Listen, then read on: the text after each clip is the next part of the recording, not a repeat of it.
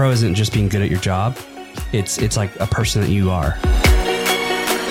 You're listening to the Pro Status Podcast.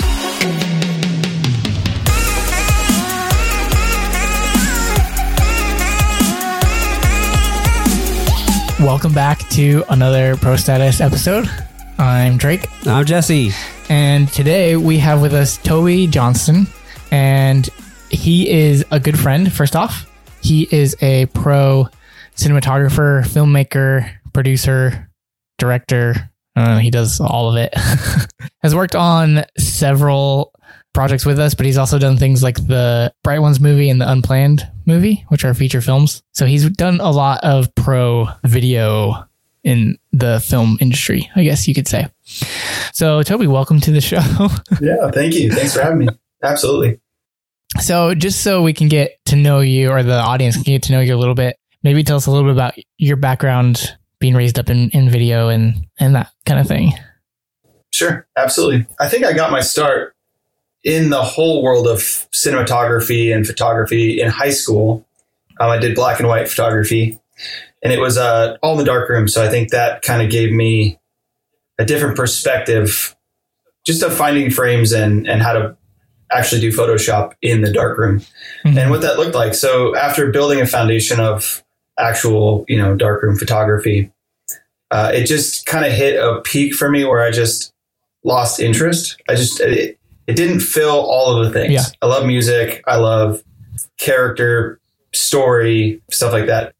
Photography had that, but it just it maxed out there, and then video became kind of the next thing. So I thought about movies in high school, um, and I did a summer camp um, at New York Film Academy, and that's when everything changed for me. It was like photography, framing, all all of the exposure, all the composition stuff that I love, and then it was character development, and then it was challenging the story side and the creative, and then Mhm. so that's that's where it started. After I graduated high school, it kind of got changed for me because I, I went on more of like the Christian road. I went to Yep.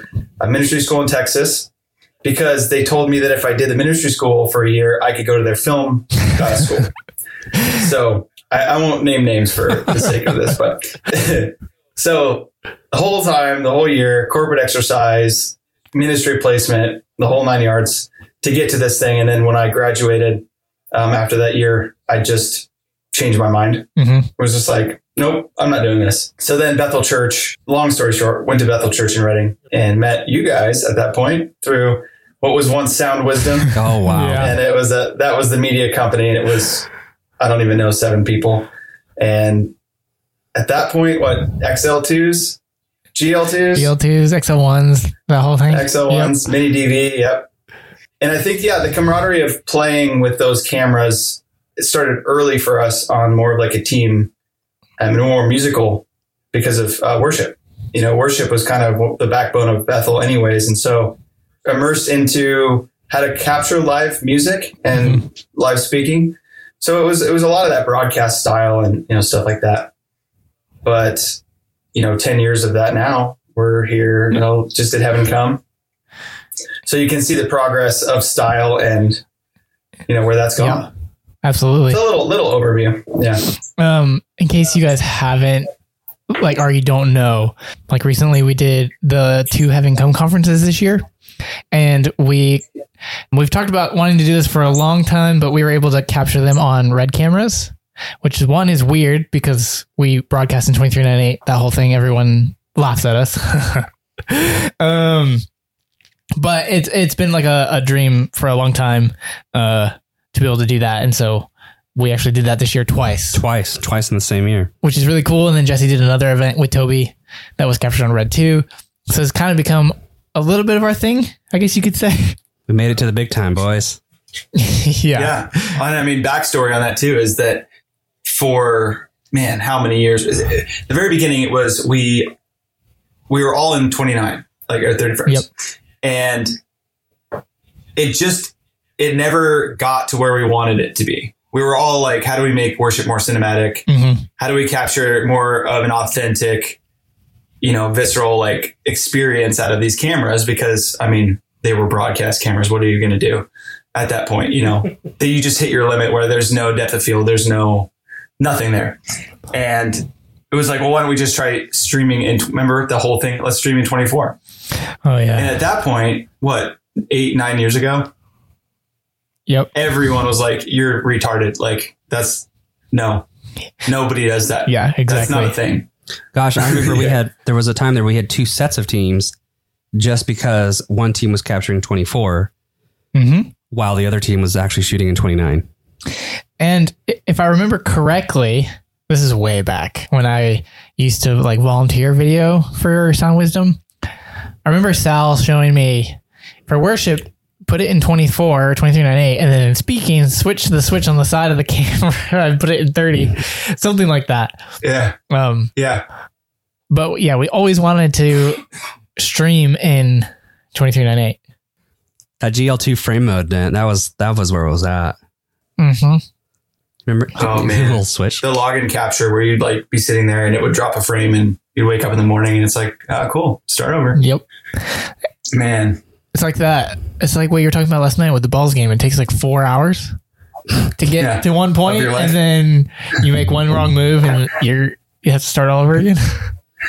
Oh, Um, okay, so you've obviously worked in the Christian industry, done a lot of broadcast film Mm-hmm. stuff. You've also done like some promos. Toby and I have worked on a couple of cool promos, like the Starlight album promo was so sick. We can link that yeah. down below. All done in one take. Super cool. But you've also worked kind of in Hollywood with like the unplanned movie. Yeah. Yeah. Non union. Yeah. So like, how is that different than? I mean, it, it was a Christian uh, Christian movie, right? Yeah. A Christian film. Uh, both directors were Christian. I think uh, produced by, yeah, Christians. Um, Well, you definitely have a different. Uh, you probably have something cool to say. I mean, Drake's Yeah. production manager for touring and Bethel events, and uh, I'm Mr. Live events. So you're like the most film guy that we have. yeah. So, so like, how is it different, or what did you walk away with something coming like shooting a movie? That was like your second movie in a row too. Yeah. Yeah. Well, it's, it's interesting because I, I think working with the DP Drew Ma on both of those films, he understood my style. And I think coming from a more of like a handheld background and more of, I think when you film with bigger teams for so long, hmm you're you're forcing yourself to think like an editor a lot more because of having a live director in your ear in your ear all the time. hmm You're picturing the edit and you're and you're knowing that like I'm creating scenes out of different shot compositions. Yeah. So it makes you very intuitive, but it makes it second nature. And I think that was kind of a, a helpful thing to be on a film where I was free to be myself in that. Uh, some of the things that were new were, you know, operating a Fisher Dolly and working on that and being a lot more on Dana Dollies and stuff. But with the with nicer heads, it was this. It was funny because I remember being on a 7D and on like a Benro tripod for ever Mhm. trying to make it perfect and fighting for it until I did enough weddings to buy the next tripod or So true. steal a beg and borrow to get gear to make whatever we were doing. Yeah. Absolutely. And I'm glad I wasn't cheated at that process by like having money because it forced me to be good with the tools that I had. Yeah. So to be honest, like having the intuition to think like the edit editor and having the freedom to pick my shots in that way hmm and then having the gear that's just industry standard, unbelievable O'Connor heads and stuff that I had never worked on before. Yeah. So in, on Bright Ones, we used Ursa Mini Pros in the um, Sigma Cine Zooms and mostly Ronin. Yeah. With an with an easy rig. And that had a serene arm on it. And so that that was really nice. And I used that pretty much the whole show on my back. Just still feeling that one. But mostly Ronin and then unplanned was a lot of for me wide shots and Dana Dolly and, Fisher Dolly. Mhm. I was pretty much on those the entire show. Would you say that part of your style is like the up close wide, like the macro wide stuff? Yeah, I'd say so. Yeah, I think I like interacting with the character, you know, whatever subject is, Mhm. so much in a physical way that I, I like to be handheld and I like to be wide and I like to be close up. Yeah. Yeah. So 27 mil to like 45 hmm is kind of where it's kind of a sweet spot Yeah, That makes sense. for sense. me. Yeah. And I think we've actually talked about this before, and you and you just mentioned it, like having to be scrappy back in the day, Mhm. and like Yeah. you don't. There is no money. There's no budget. You're just here's my DSLR and my Amazon Prime equipment, and I'm just making it work. And I think that's helped all of us. Oh, Um, Oh, no doubt. like now we actually get to work with a budget but the background of having to always make it work no matter what i think has it, that part of that is plays into the success that we have now because we're always going back to Absolutely. Absolutely. we, yeah we always revert back to oh we can make this happen you know there could be we're trying to rig up something on a camera and it's like we don't have all the stuff to do it but we're gonna figure out the most j-rigged way to do it and we'll always yeah, and done, actually, you like I think uh, some guys actually uh, just kind of shut down, where we are like, oh, it's no big deal. We'll just use this thing. We'll Yeah. make it work. always always make it work So maybe maybe too much. Maybe we're too good. Yeah. Yeah. I mean, there's a, there's an aspect of like you have to be you have to have a lot of MacGyver blood to make it in the industry. oh for sure. You just have to. Yep. All those bits and, And, bobs. and uh, if you have a smile on your face and you're MacGyver, you're gonna win. It's just hmm have a solution because you're gonna have problems, right? Like no matter what, the demons come out of every single wire, and it's gonna be a thing. it's But so it also, true. I think it, it it keeps you light and it keeps you on budget. Mhm. Like your profit margins are better when you're f- you have been forced to work with nothing yeah because like, you got to you know you got to feed your family and you have to rent gear. So you have to do both at some point. yep You get bigger. It's and I work with some of these companies that like the waste is kind of insane.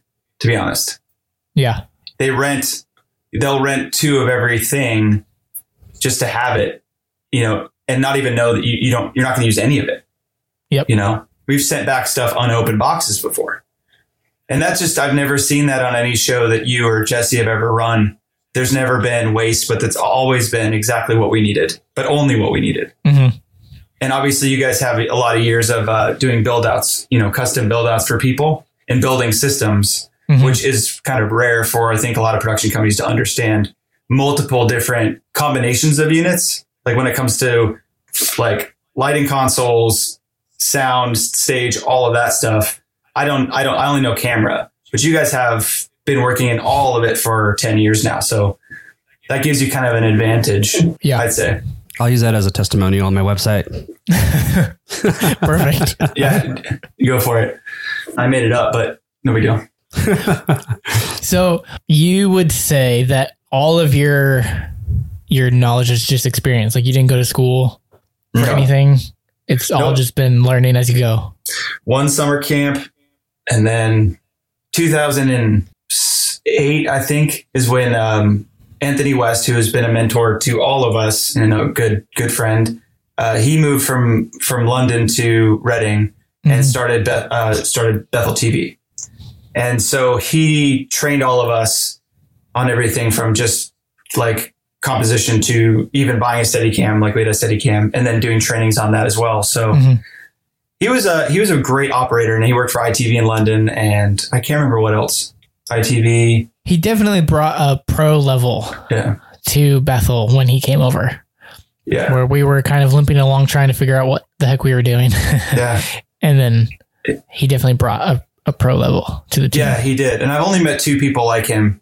One guy here in Atlanta I met uh, recently who reminded me so much of him, and it was just the uh, the air of confidence and like years of experience, but a soft like fathering presence. You just Yeah. felt safe, but he also challenged you to come out and and be yourself. Mhm. you know, in, in whatever you're doing. And uh, so under his mentorship for that long is where I learned all of the camera operation stuff and kind of gear management too. I think like taking care of things and how to manage stuff because he was very, you know, tight with the ship. And I thought that was helpful for me in the beginning. Mhm. Even when it comes to the like shot composition, he was, he was very strict about things and then let us break them when it was necessary or when it meant something, like when it was motivated. yeah And so I think that's been honestly that's the word of my career in my style and cinematography would have to be motivation. Mhm. Like I'm very motivated emotionally and I'm motivated story wise and all that and all things. And I think I do that with the operating operating a camera physically. So he he really like formed that in us and Mhm. Yeah, it's great. I think I've told people this before that are especially volunteers like at churches and stuff where they like step into the director role and sit in the director seat and I'm like, have you ever run a camera before? Yeah. and they're like, oh, you know, once or twice. And I'm like, you actually need to know how to run a camera to be able to direct. And I think that goes into like tying, I'm trying to tie it into what you were talking about, like as a cinematographer, being an editor as well, like Yeah. has helped. I, I know it's helped me. I've seen it help you. Even like on Sunday, we were talking about Luke Manwaring, where I was watching his shots and I was like, oh, you can tell he edits.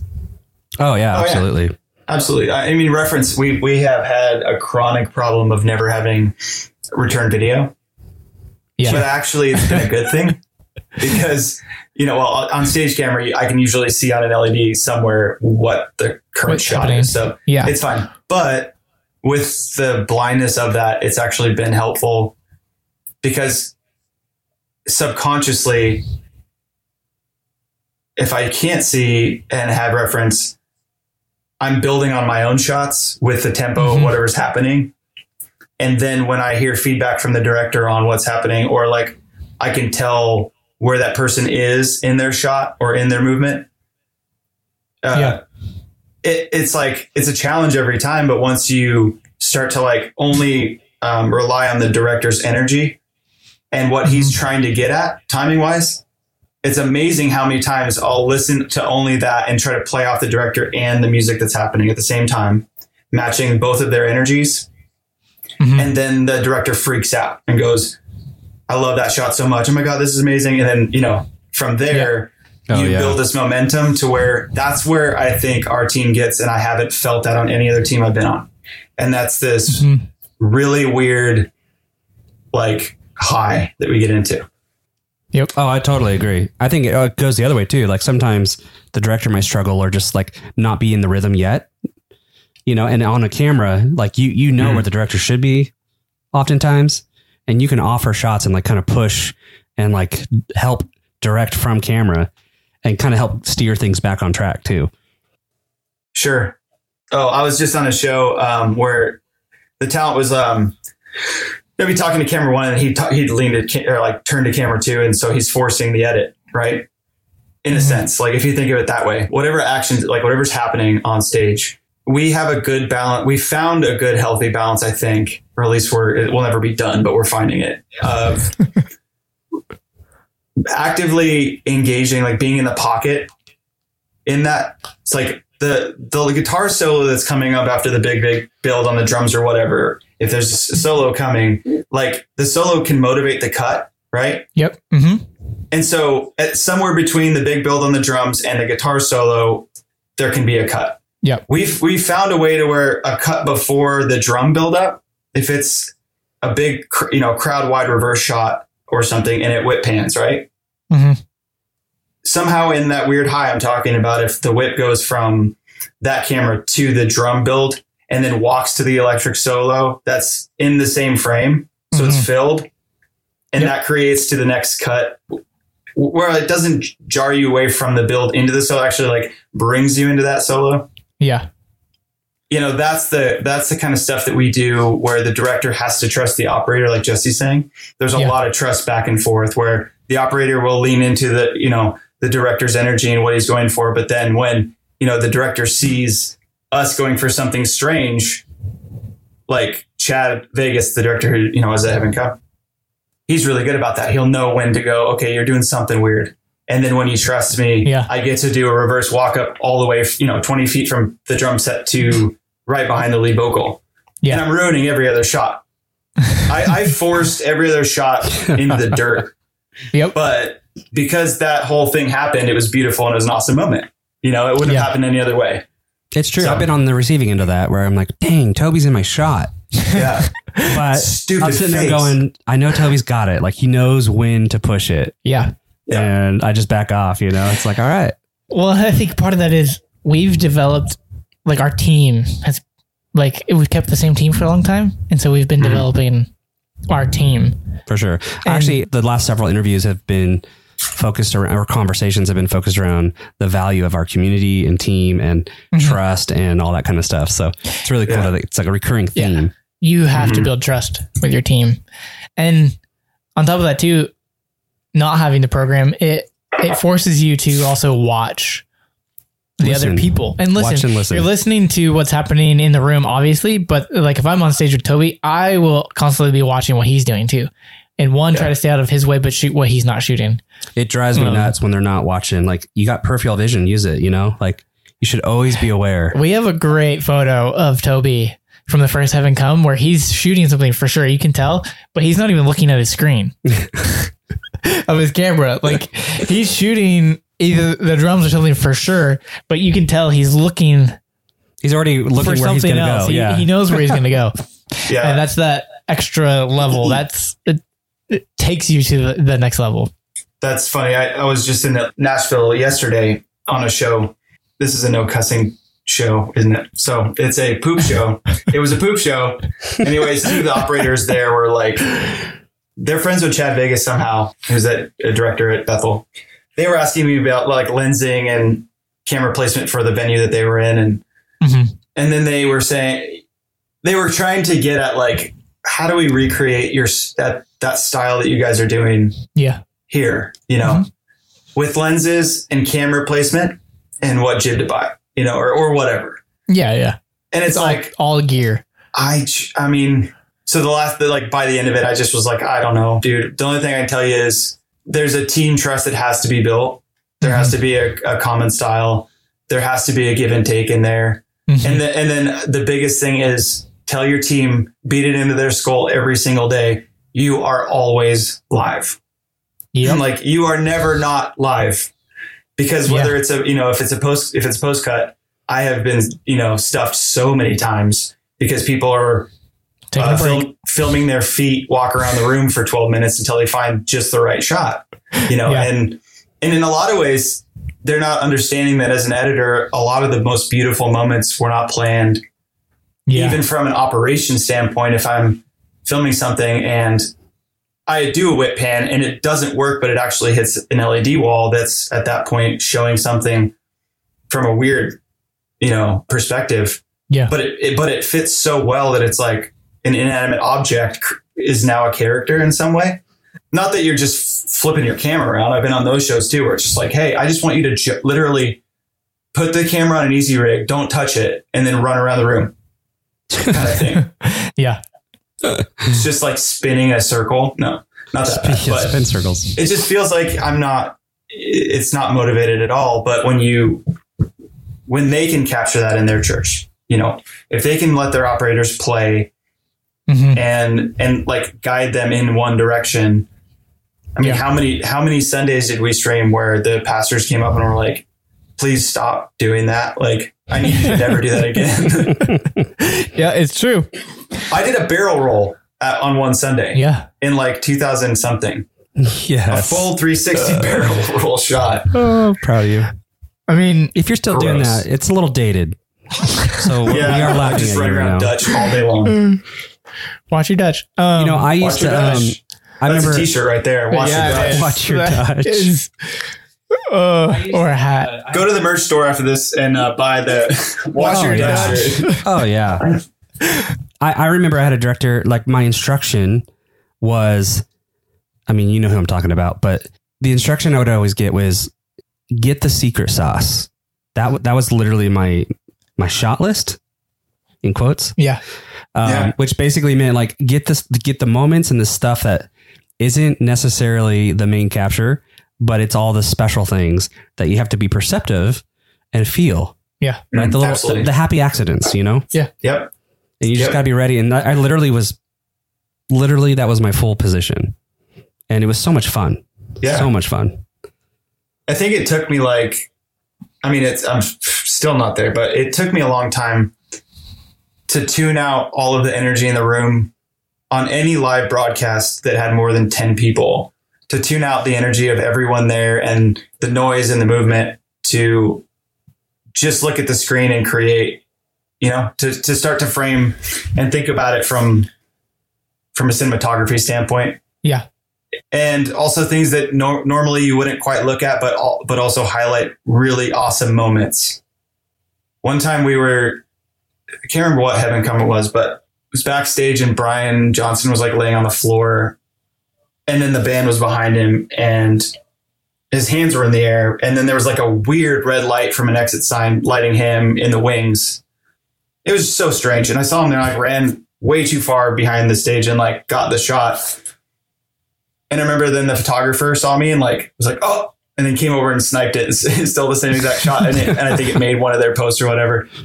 But it was it was so funny because like I don't, you never would look for that stuff, but when you do get it and it becomes a movie, it's like whoa, that's that's a different thing. Mm-hmm.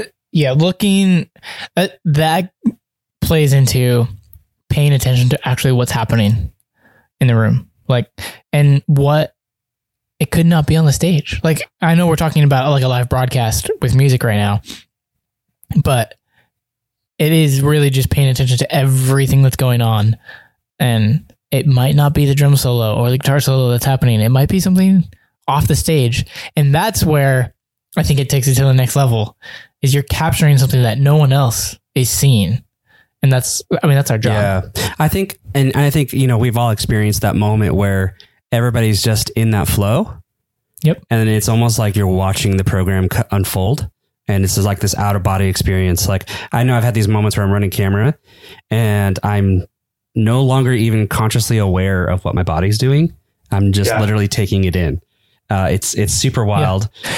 Well, you can, you can get into a rhythm for sure on camera. And, and also like you are in the experience while you're filming the It's experience. a collective. It's like a synergy uh, between everybody. Mhm. Um, I, I want to know like what is like a favorite. Do you have a favorite moment specifically for you, Toby, running camera, where it just I don't know made you want to cry or something? You know, Oh man, yeah, yeah. I uh, was talking to someone the other day, and and there were those.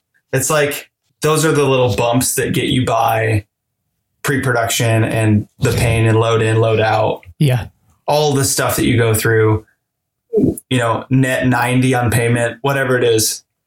What made me want to cry is that we just rented cameras for a shoot, and Lens Rentals didn't deliver them.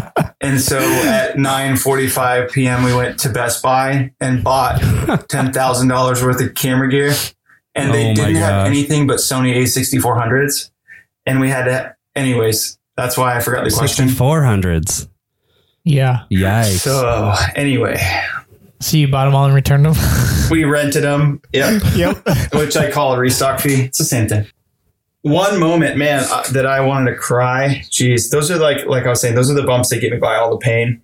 And I think Heaven Come, the last one, there were a couple moments where we were all just so together in the shots that it was insane. And you could just feel it. It was, it, it went on a roll. It was the, almost the entire song. Hmm That was kind of crazy. Sometimes you get in those moments where you're, you don't know where you end and the shot is. For some reason, you, your brain is living through that shot. It's Mhm. not that you're seeing a shot on a monitor. It's that I, I don't even you can't explain it. It's a high. Yeah. It's like it's it's crack. That's why we got into film. And I have those 100%. moments Uh, yeah. sometimes, eh, but they're powerful. I'm, and I'm trying to think of one that's like specific. I mean, that one shot that you got of JP at Heaven Come. Yeah, Oh yeah. Oh my gosh. I mean, that brought so much emotion to the entire room watching. And yeah, that was standing good one. backstage, like watching the program, like that was insane. That made me want to cry. Yeah. yeah, I get you get that choked up feeling as an operator, and it's just it's crazy to. It's almost like man, if you if something in history was happening that was pretty significant, Mhm. and you had a, a photography camera, and you just happen to like take a picture of the exact thing happening, Yeah. and the framing is perfect, Yep. and you're the only one who got that picture. Not that you're like going to be famous for the picture, but you know you got it Yeah. somehow. Like the stars aligned, and it just everything worked Yeah. that's how it feels, but it's 24 frames per second and it happens for 16 seconds in a row. And Yeah. you're just flying across some stage somewhere, like with the camera on and a headset. It's just such a weird thing. But yeah, man, that's a feeling. It's crazy how long that those 16 seconds can feel to you. Yeah. Oh yeah. Like I it mean, we feels like a minute. but that those are the moments. Like that's But why, also, if a director you do- trusts you for 16 seconds, it better be a really good shot. It so better that be was a little bit freaking of awesome. exaggeration. or you know, like at the last conference, the switcher panel cut out and it's stuck on a shot. And it's stuck on Luke. Oh and Luke man. Manwaring, and it's like, well, uh, stay alive until we can fix it. Good luck. right, bud. You're live. Have fun. Which I mean, no better person to land on because it was so steady. Yeah. Like Oh, yeah. for the probably it's probably only thirty seconds, which is a long time in a cut. Was, he was in the pit with the 7200. Yeah, he was in the crowd with the 7200, so he was just moving around between people's hands and the back to the vocal, and I mean, Yeah. It. We made it look intentional because that's again pro. like try Warner not to- worship. eh, try not to let people know when there's issues happening. Like, It's true. And like, I think one of the, like, I, it's amazing to me how much of our like personality, I guess, really, yeah, our personality and our confidence, like our attitude, it translates on camera. You know, Yeah. like if you're not confident, like if that situation arises, like, you, you know, you're going to screw it up, you Yep. know, but it's, it's incredible how like being present, being mindful of like, obviously the cut and the directing and, and whatnot. But I, I don't know. I just think it's crazy how, mhm. how that affects your work and it does translate it translates on screen and your ability to perform and Mhm. the energy Sure. of the team and It's cultural too, you know. Like I think we've been building that for a long time. It's just the, it's the language we use with each other. It's also the trust we give each other. It's also just our background at the church we were all at. You know, I think that we Yeah. learned a lot. We learned very specific things that whether we're in the church world now or not, I think we carry with us. Culture of honor is one of those things that I think we carry still. Mhm. It's like I'm gonna I'm gonna honor you because I'm honorable, not because you deserve it. I mean, Yeah. that's unbelievable because you walk onto a set and you have you know a dick director. It's like, well, I there's nothing for me to prove here. I'm not gonna like be mean back to you or yell back at you. I'm just gonna smile and I'm gonna do the best job I can. Mhm. And then I'm also gonna take as many liberties as I can with the camera. Like always steal as many liberties with it in your operation as you can. That's my only advice would be push push it so far that you that people tell you to dial it back all the time. Yeah, absolutely. Push your yeah, push it. I mean, you don't want the director being the one that's like telling you to push it constantly, or I need more from you. You know, I need Like- more energy. Can you like not just stand there on the drum set? it's like you want to definitely be pushing the boundaries, and that's all of us. That's our personality. It's like let's explore what hasn't been explored. Let's let's do what what hasn't been done. and Don't be Rob. yes, Rob the robot. That's the new T-shirt. Don't be Rob. We got two T-shirts tonight, boys. th- this plays into the pro stat as like a message of like we want to be a pro isn't just being good at your job it's it's like a person that you are right you become pro before you show up pro and, and perform Yeah, and so like one of the big things that we're wanting to communicate to people listening to the show is you might be the most talented person in the room but if you have a bad attitude It doesn't matter. you're, Yeah. you're stealing you're stealing No. from the team you're stealing from other people's contributions like I mean, and it's ha- it's happened before. Actually, it happened to Toby once, where you know the decision had to be made: attitude versus talent. Mhm. oh you have a story Well, I think we all know what story this is, but well let toby tell it no, Um, no. Preface it because there were there's so many stories. it was 2017. it was fall 2017. It was, Oh, it was June I remember 2017. this. Okay. I mean, for me, like I will pick attitude because you can teach talent, Absolutely, absolutely. but you can't always teach the attitude part. Yep. Yeah, and That, that you know, attitude and, and also smart isn't always good. hmm mhm. Uh, and smart doesn't mean good in the in the production world. I have to like stress that because I've been running into that lately. Mhm. Everybody, you know, a lot of people here in this culture, it's a little bit different. But oh, that person's so smart; they know everything about everything about about the production, um, and that's fine. You know, like being, you know, knowing your gear and all that's great. Yeah. But if you don't have the character to show up on time, and you don't have the character to Mhm. Always be live in a sense that like yeah it's it's actually really tiring to shoot an entire show where I'm trying to do a one or the entire the, the entire time. I'm not. I'm trying to tie every shot so that I'm always usable for post cut. Mm-hmm. Imagine it. You know, do this thing. Have you ever recorded yourself and then watched your entire shot for the whole set? If you do that, you'll want to punch yourself in the face so much that it'll Yeah. make you improve because you'll see that you wasted so much time with because you're not thinking ahead. You're not planning the next shot. You're not on. Your brain's not on. So Mhm. yeah, I think that that character you can't teach. You know, No. That was actually a great tip. If you want to improve, record yourself Oh yeah. for your whole for a whole set, and then watch it back. And you won't. I mean- You'll watch like 15 seconds, be like, God, I hate myself. Or you recorded for an hour and you realize I there's only 30 minutes of usable content in this one hour clip. That's that is that's the whole career though. It is it's doing a job and getting home and realizing that you suck. That's just that's it. Because you're never happy. no, No. it always you always have to take it to the next level. Every time I watch something, I'm like, "That's great," but my brain is instantly thinking about how it could be better. Yeah. Every good, time. Like good enough is an absolute enemy in in production. Oh Yeah, man, that is so true. Like I, you know, it's funny though because like this year, one of the biggest things I've had to confront in myself is a is perfectionism. hmm And for me, perfectionism has like stopped me from taking action or taking risk in certain areas. Mhm. And so it's actually disabled me uh, from from accomplishing other goals. And so like trying to apply myself to take more risks and not, you know, learning new ways to measure our success. hmm Oh, so I don't go home feeling super bummed out. You know, so I don't hate myself, but I'm like, did the team work really well together? Did we communicate well? Were we prepared? Did we have things in order? Did we show up the way that we were supposed to show up? You know what I mean? Like, Yeah. I start going down this different list, and did I perform at an 80% or a 90%, or did I give 110%? Yeah. You know? yeah, And uh, it, it- yeah, it's just a different, th- different measurement for sure, because perfectionism can really hurt you. But I think in the same way, complacency and, you know, in corporate, a lot of the corporate gigs, man, the guys that do medical, like medical seminars and like just talking head stuff, Yeah.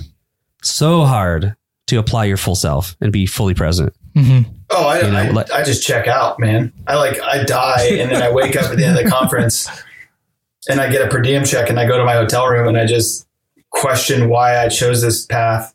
You know, like it's just yeah, That's real. it's so true. I mean, and then you did the next the next shoot you do is like some live thing that's insane and so fun and you love the people. And then you're freelance, you get three weeks off because something got canceled and it's like Mhm. this, it, we're we're carnies, man. You got to just just partner Yeah. with the life. absolutely.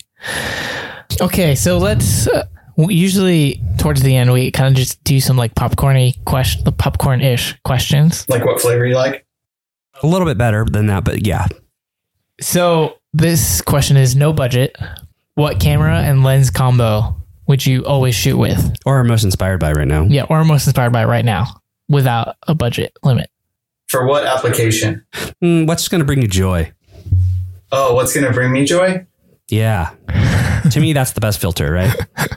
Man, I would probably say I would I do the Alexa Mini LF lens combo. See, I, I mean, maybe anamorphics. If I'm talking having fun, Yeah, you know, and no budget, I mean, oh man, I know there's so many great options out there. yeah, that's a that's a great question. Well, okay, some gear that's exciting for me, just not on like an unlimited budget thing, is that we're we're at a time right now where there's you know the the Pocket 6K, and yeah, and the monitor's great and the image quality is insane. And it's straight to ssd which is like unbelievable. Yeah, i think i still pinch myself at what's available now compared to what even 5 years mm-hmm. ago was available and what we were fighting with. So you're like what's your favorite thing right now? And my favorite thing right now is that everything's moving so fast that i can't even decide what's i want or what's cool I mean, you never have, but that's Even true more I'm so the now. worst. I mean, you still don't own a camera, right? Yes, I do. Yes, I do. Okay. Oh, okay, Um, I bought a Fuji X-T3 as a like nice. just play camera, and Uh-huh. I'm in love with it. I've been buying vintage lenses. I have a kind of a fetish for that sounds like a weird word. Like I rub my feet on them or something. No. I collect them. I love vintage lenses and that camera has such a great filmic look to it, even filming video. And it's tiny. Mhm. I can I can run around with it. That's kind of one of my favorite things. Uh, no internal no internal sta- stabilization, which is kind of like its downfall. But I needed Yeah. it for photography too for my wife's business. So that's why I got that. And I've been just even owning a camera has been inc- incredible because I haven't owned one in so long that like I'm doing funny projects for people. Like we're going to do a horror film in the next couple of days for a, a coffee shop that's uh, Brother Moto coffee shop in Atlanta. And we're Mhm. just, just screwing around. I haven't done that in so long. So it's fun. That's awesome. But if I could do that with a uh, Alexa of any kind, that'd be fun too. It's funny. The only camera that I own right now is a Sony RX100, which is technically a point and shoot camera. Whoa. I don't own any other camera, which is weird. you went from a 1DX Mark II to a point and shoot? Uh huh. I went from a red to a 1DX. Yeah, I went from a red to a 1DX to a point and shoot. Well, you didn't want I to went carry a 14 pound brick around, I guess. Yeah. Um, hey, what about a film? Like, what about something on television, a film? Something that's inspiring you right now? Hmm. It'd be cool if it was probably current. Like, what's something current? It could be TV show. Yeah, um, Yeah, just yeah. been watching uh, the newest uh, Peaky Blinders. I really like that show. I've been watching The Office, You can never go wrong with that. Parks and Rec, The Office, and this isn't like the most recent thing, but this is this is something that kind of sparked like a journey I've been going down. And I uh, saw First Reformed with Ethan Hawke.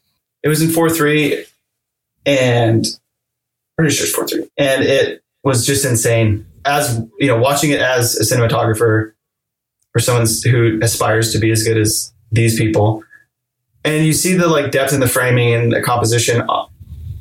And you- you've been looking at sixteen nine or two three five for so long that it just it wrecks you. hmm You know, it, it just doesn't Yeah. make sense to me again. And so that made me start to think about composition in a different way. Not that I'm going to go to 69 and do some weird stuff, but it did start to open up kind of lens choices and focal lengths and how I want to shoot different scenes.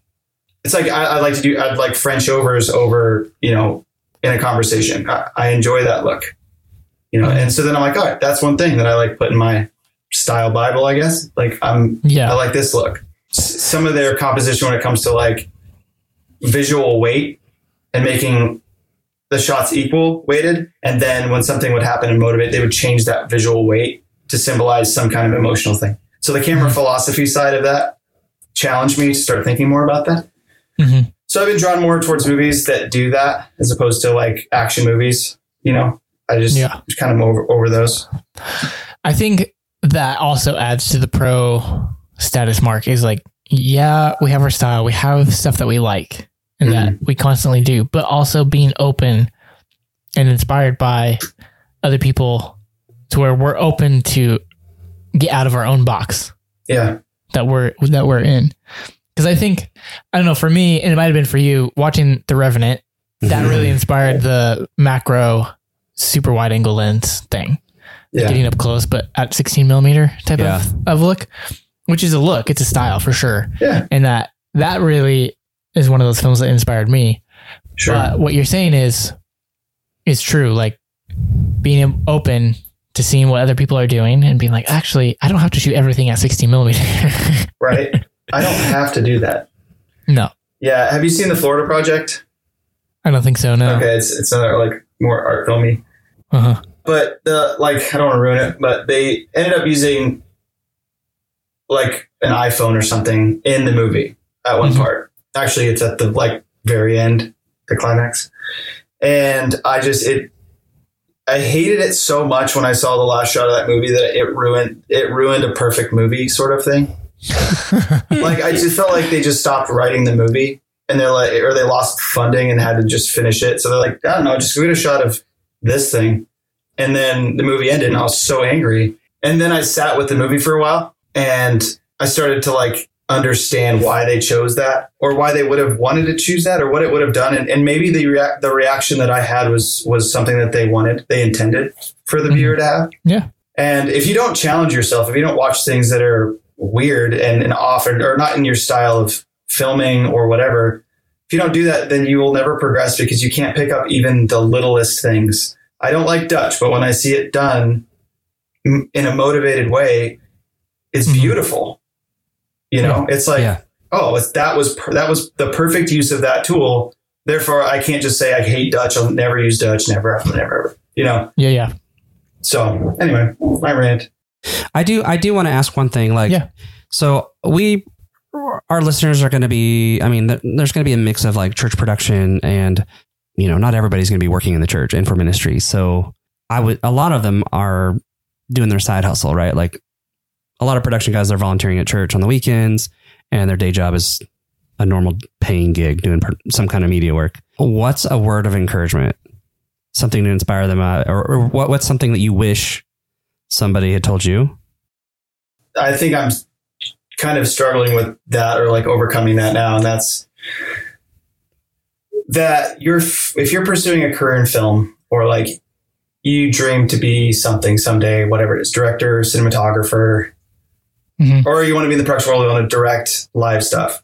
As you're doing this craft, as you're learning this craft, if you cheat your process in any level, like you don't take a risk and, and buy a piece of gear that you can afford to start, you know, getting your hands wet and, and feet wet and doing that thing, and you're not finding a mentor like somebody that does film and just ask if you can shadow them Mhm. you know, just watch them, just to, to learn from somebody that has been doing this forever, to be an observer, because you're going to use that as an operator. If you're an observer, you're going to look for shots. So start practicing picking up weird little tricks and tips because the bigger your tool belt gets as a MacGyver, the better you're going to be on set. And if you have the weirdest little connectors in your toolbox, because that we do that, like Jesse is the king of this. He'll have a Pelican case full of everything you know, Yep. a coat hanger, a pipe bomb, I don't know what, but it's 10 years. It's like you've been building this and you know that you're going to need it and you'll have that tool. I definitely plan for what everyone probably forgot. Sure. Yes. And you've also built custom stuff. You've also built custom tools. You've built, you know, custom uh, rigging gear, stuff like that. I mean, it, but that had to be done because you saw a problem and you fixed it. You didn't just buy an expensive part. You had to learn the mechanics of why it does what it does. And then you could go on to use the tool properly and respect the tool properly. Like, don't cheat your process. If you want to be a director, you have to learn how to shoot. You have to learn how to edit. You have to learn how to talk Yeah. to people and work with teams, you know? Mhm. So that that's the biggest thing is that you just chill out because I'm flipping burgers right now when it comes to what I'm doing. Like I I hate a lot of what I do sometimes. Mhm. And it's like you do corporate stuff or whatever and it gets really boring and it's all follow cam stuff and you dream of doing movies or writing or whatever. But you're paying your bills and you're on a camera and you're moving forward. It's what you do like on your off time. And I'm guilty of this. Like the, I'm the worst. If you have four or five days off and you own a camera and you don't shoot Mhm. stuff and you don't stay sharp or you're not learning and, and researching and studying what, what you're interested in, like even if it's something weird within film that you're interested in, it will come back to help you in the in the future. If you think that script writing for today is a cool thing and you and you just start researching script writing, but then you end up being, becoming an op camera operator, like that will serve you at some point. Mhm. Yeah. So, Yep. I mean, they're all stepping stones and, and not cheating your your journey by wanting to get there faster. Or th- the biggest thing is not putting pressure on yourself to think that like you're gonna go conquer the mountain of media for God, and like if you don't like stay up and work 18 hours at a time and and push really hard and deny yourself, and you know, it's like so weird. But you get into that thing where that's service and, and not Mhm. charging your proper day rate and not getting enough sleep and not making contracts that your clients sign that protect yourself. You know, Yep. like don't fall into that trap either of overserving and overcommitting because I'm the king of overcommitting and then staying way too long. And then when I become a turd and my job, you know, like quality drops, Mhm. You know what I mean? It's like it's just a it's a recipe for disaster to do that. That's awesome. Yeah, that's actually that's really great.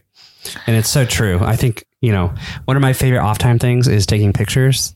Yeah. I love photography for my just my free time. Mhm. It like simplifies it all. And there's just like this simple satisfaction and relaxation in it. Mhm. So it's still the same work. It keeps me in love with what the work is. Mhm. I love it. It's my favorite pastime. But yeah, I love what you said about valuing yourself too. Such a big deal. Absolutely. Like no one, no one's asking you to lay, no one's asking you to lay on your sword. You know what I mean? Yep. Like that's just not necessary.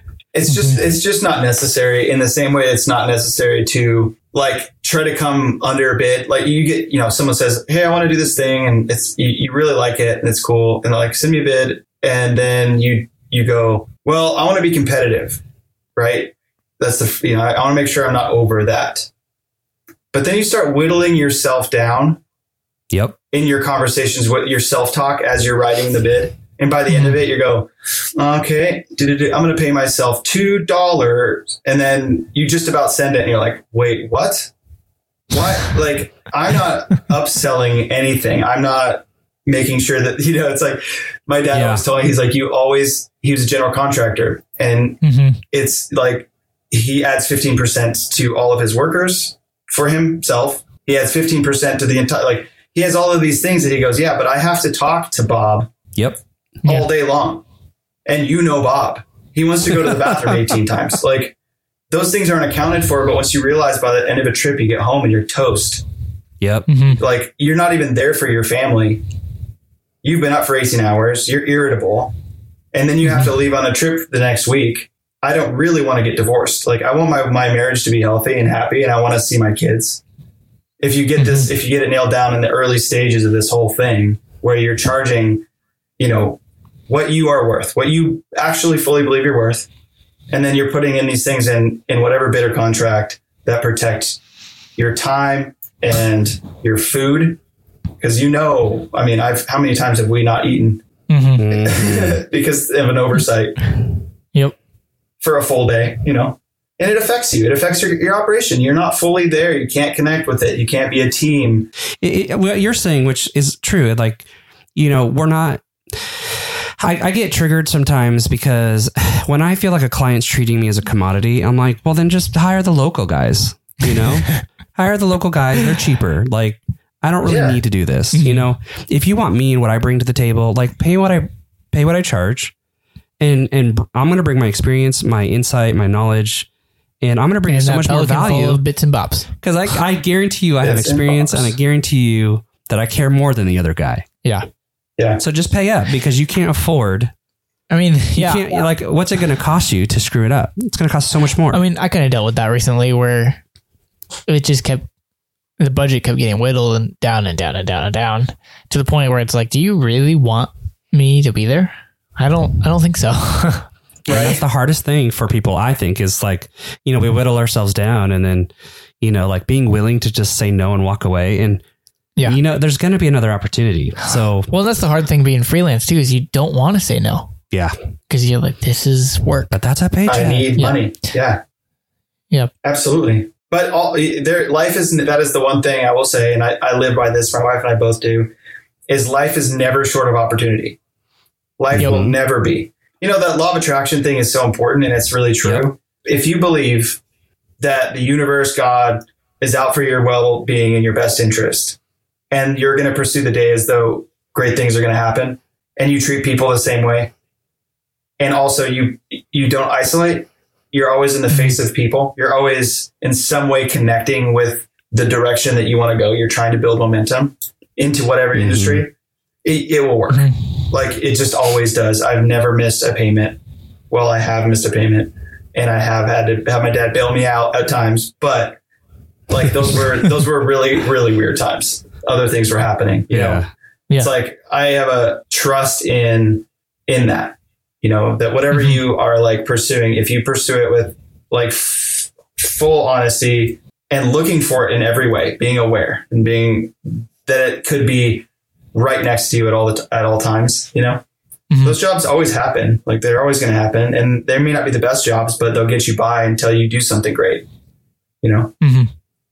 You know, before we actually re- uh, started recording this podcast, I was at uh, I was having a conversation with somebody um, over coffee, and he, you know, he was just like, "Hey, so what do you do?" And I'm like, "Well, I mean, by trade, I mean I am a video guy at heart." But I'm like, but what I really do, like, if you observe me with clients and stuff, I am creating an experience. I am e- extracting things from them, right? Like I'm Yeah. connecting their hearts and their passions. I'm connecting what they do Mhm. with passion and purpose. Yeah. Right. Yeah, And like, absolutely. and that, which is such a different mindset, you know? Mhm. And if I'm worried about, if I'm thinking about money all the time and I'm thinking about like, oh my gosh, am I going to have enough? I can't even show up relationally with these clients and bring this whole other mindset because I'm so distracted by money. Right. Yeah. Yeah, And like, so it's just such a different thing. And like, you know, if, if, if it, if something falls through, like I can't tell you how many times, you know, someone says, ah, man, I can't do it. I'm backing out. And I'm thinking, shoot, like I needed that like three grand because I got this thing I got to pay. and then the next Yeah. day, you know, something better comes along. Um, yeah, you know, like you can't, you, I mean, I've said it on this podcast before, you can't operate in scarcity because you can't, you can't do your job Mhm. no, you know you just can't show No. up to pretty much anything if that's that's where your where your mindset is Yeah. and if that is where your mindset is then that's fine but you know we're traveling production guys and we're bringing Yeah. our a game you know Mhm. yeah, and so that that happens in not just our performance in, on the job but you know we're we're trying to bring it in our personal life and it's all Yeah. connected Mhm. it's crazy. It's like I've been on a rampage of trying to bring the art back to film hmm because Yeah. I lost it so much in production and having just gone like kind of numb to it. It's like I lost the art in why I did what it what I do. Mhm. And it, and if you can maintain the art of it, then you know that some projects aren't for you. Like some projects are actually they, you'd be doing it a disservice if you joined, even though the pay's okay, and you think you need the money. And I've Mhm. said no to some jobs that would have killed me, literally killed me, you know, and financially killed me, and all you know. if you operate out of, a, of that lack and and just fear, you're going to take jobs that a lot of times hurt you worse than they help you because you just weren't Mhm. aware. Like you're just not a good fit for that. So it takes us a bit of humility to say no to jobs, you know, that you know you probably Yeah. could do well, but you it's just like, no, I am sorry. The things that I bring to the set and on camera are very specific. And I don't if I do what I'm doing on this show or whatever, Mhm. I'm just not that I'm it, it won't look the way you want it to look because my heart's not in it. That's my thing is like I can do it for you and it'll look fine. You'll be happy. Mhm. I don't know. I just kind of sometimes I want to say no just because I know that it'll it'll hurt me worse it's going to help me in the long run. Yeah. You know. I, you know a lot of people think that if they can just get their financial need met then they can do something Yeah. Like once I get this mark, then I can uh, introduce rest and all these healthy habits in your life, right? Yeah. Right, Like we've Nope. all done that. I still do it, you know, and you know, but the reality is like, eh, yeah, energy, like protecting your energy and your creativity and that culture within, Yeah. right? Like we're stewarding something here, and you know, it, if if I didn't do that and I was chasing the money, Mhm. we wouldn't be able to do things like this, you know, like have the energy or the inspiration or creativity to even have this conversation, which Mhm. hopefully is going to bring value to people, you know, but protecting that should be number one because out of that is where we produce our best work, Absolutely. you know? And so Mhm. if you don't have work, then, then create something, you know, like do inspired work. Yeah. Don't just go find a cruddy job. So true. Just, just, yeah, I think that's worth n- mentioning. Mhm. So, Yeah, that's a balance for sure. I mean, you're always going to fight the fear of failure, you know, and I do anyway. hmm I I fear a lot of things that never happen. Probably ninety percent of my fears will never happen.